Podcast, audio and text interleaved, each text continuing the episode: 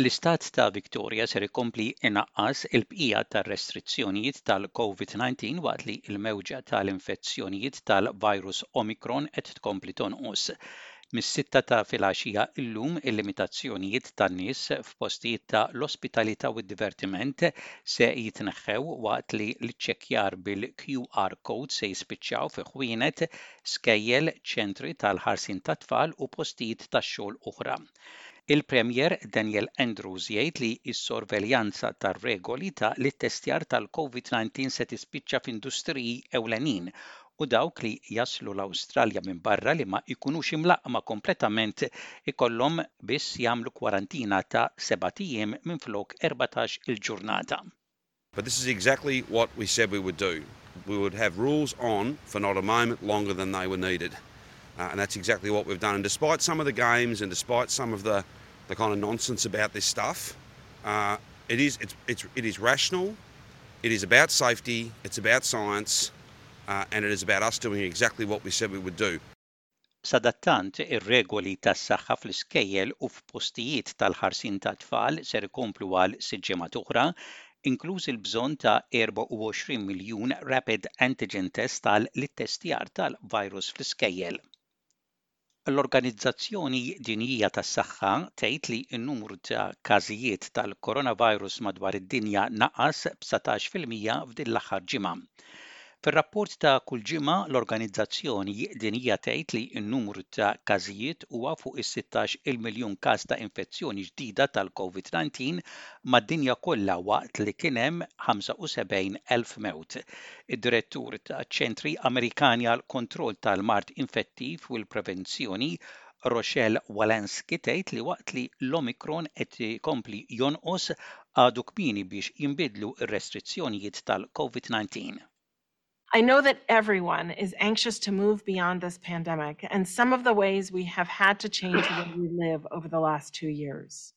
We all share the same goal, to get to a point where COVID-19 is no longer disrupting our daily lives, a time when it won't be a constant crisis, rather something we can prevent, protect against, and treat.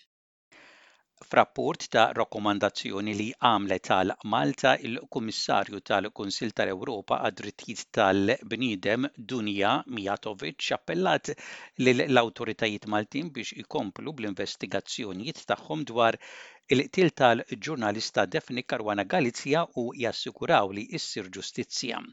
Hija qalet dan f'rapport b'għadd ta' rakkomandazzjonijiet wara żjara li għamlet f'Malta f'Ottubru li għadda u li fih appellat ukoll biex l-abort f'Malta ma jibqax reat kriminali. Hija rrakkomandat li jittieħdu miżuri li jilqgħu għat-theddid fuq il-ġurnalisti u qalet li l-liġi l-ġdida dwar il-midja ma għandhiex twassal għal indħil mill-Istat. Dwar l-immigrazzjoni, il-Kummissarju saħqet fuq il-bżonn li Malta tassikura koordinazzjoni effettiva ta' l-operazzjonijiet ta' tiftix u salvataġġ, qalet li n-nuqqas ta' qbil ma' Stati Membri oħrajn dwar l-iżbark ta' l-immigranti m'għandu qatt ipoġġi f'periklu d-drittijiet tal-bniedem. Aktar minn għaxar miljun doża tal-booster kienu amministrati mal-pajjiż waqt li l-awtoritajiet tas-saħħa jittamaw li l-vaċċin il-ġdid Novavax ikompli jgħin fiż-żieda tat-tilqim. Il-Kap ta' l-Amministrazzjoni tat-Tilqim fil-pajjiż il-Logutunent, il-Ġeneral John Fruin jgħid li sbatax il miljun persuna fl-Awstralja huma eliġibbli għal booster. Another great milestone yesterday, we just passed 10 million boosters, 10.2 million boosters yesterday, that's of the 17 million Australians who are currently eligible, so we're just shy of 60% now, so people have been responding really well, you know, another 144,000 people came through the doors just for boosters yesterday. So, uh, you know, the uptake is really good, um, uh, but, uh, you know, we've got a way to go still. Il-Kulleġġ għal l-Arti, Xjenza u Teknoloġija l-MCAST f'Malta għandu ċentru ġdid tar-riżorsi.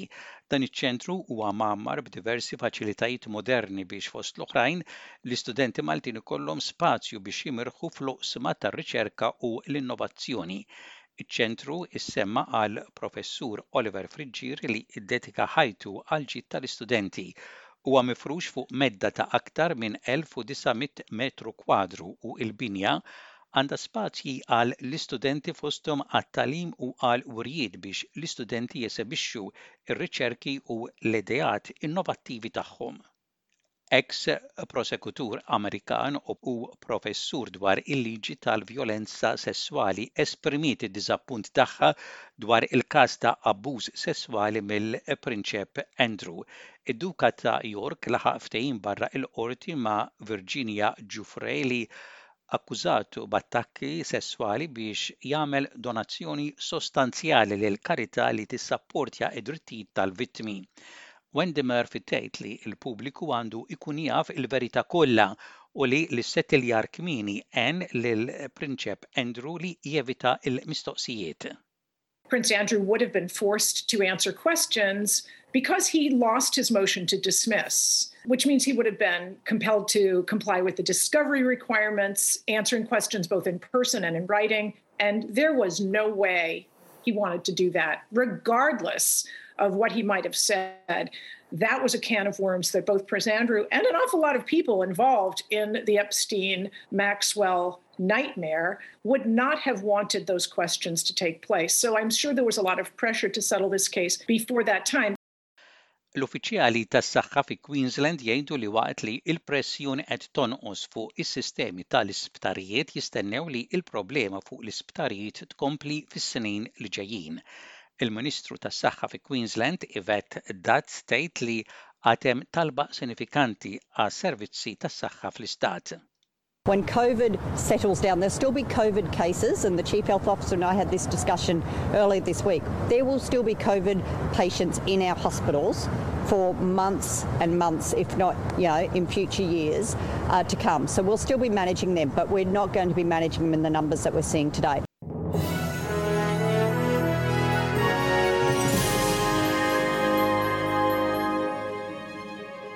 Fl-isport, L-Istat ta' Victoria qed iniedi l-proposti tiegħu li jospita l-Logħob tal-Commonwealth għas-sena 2026.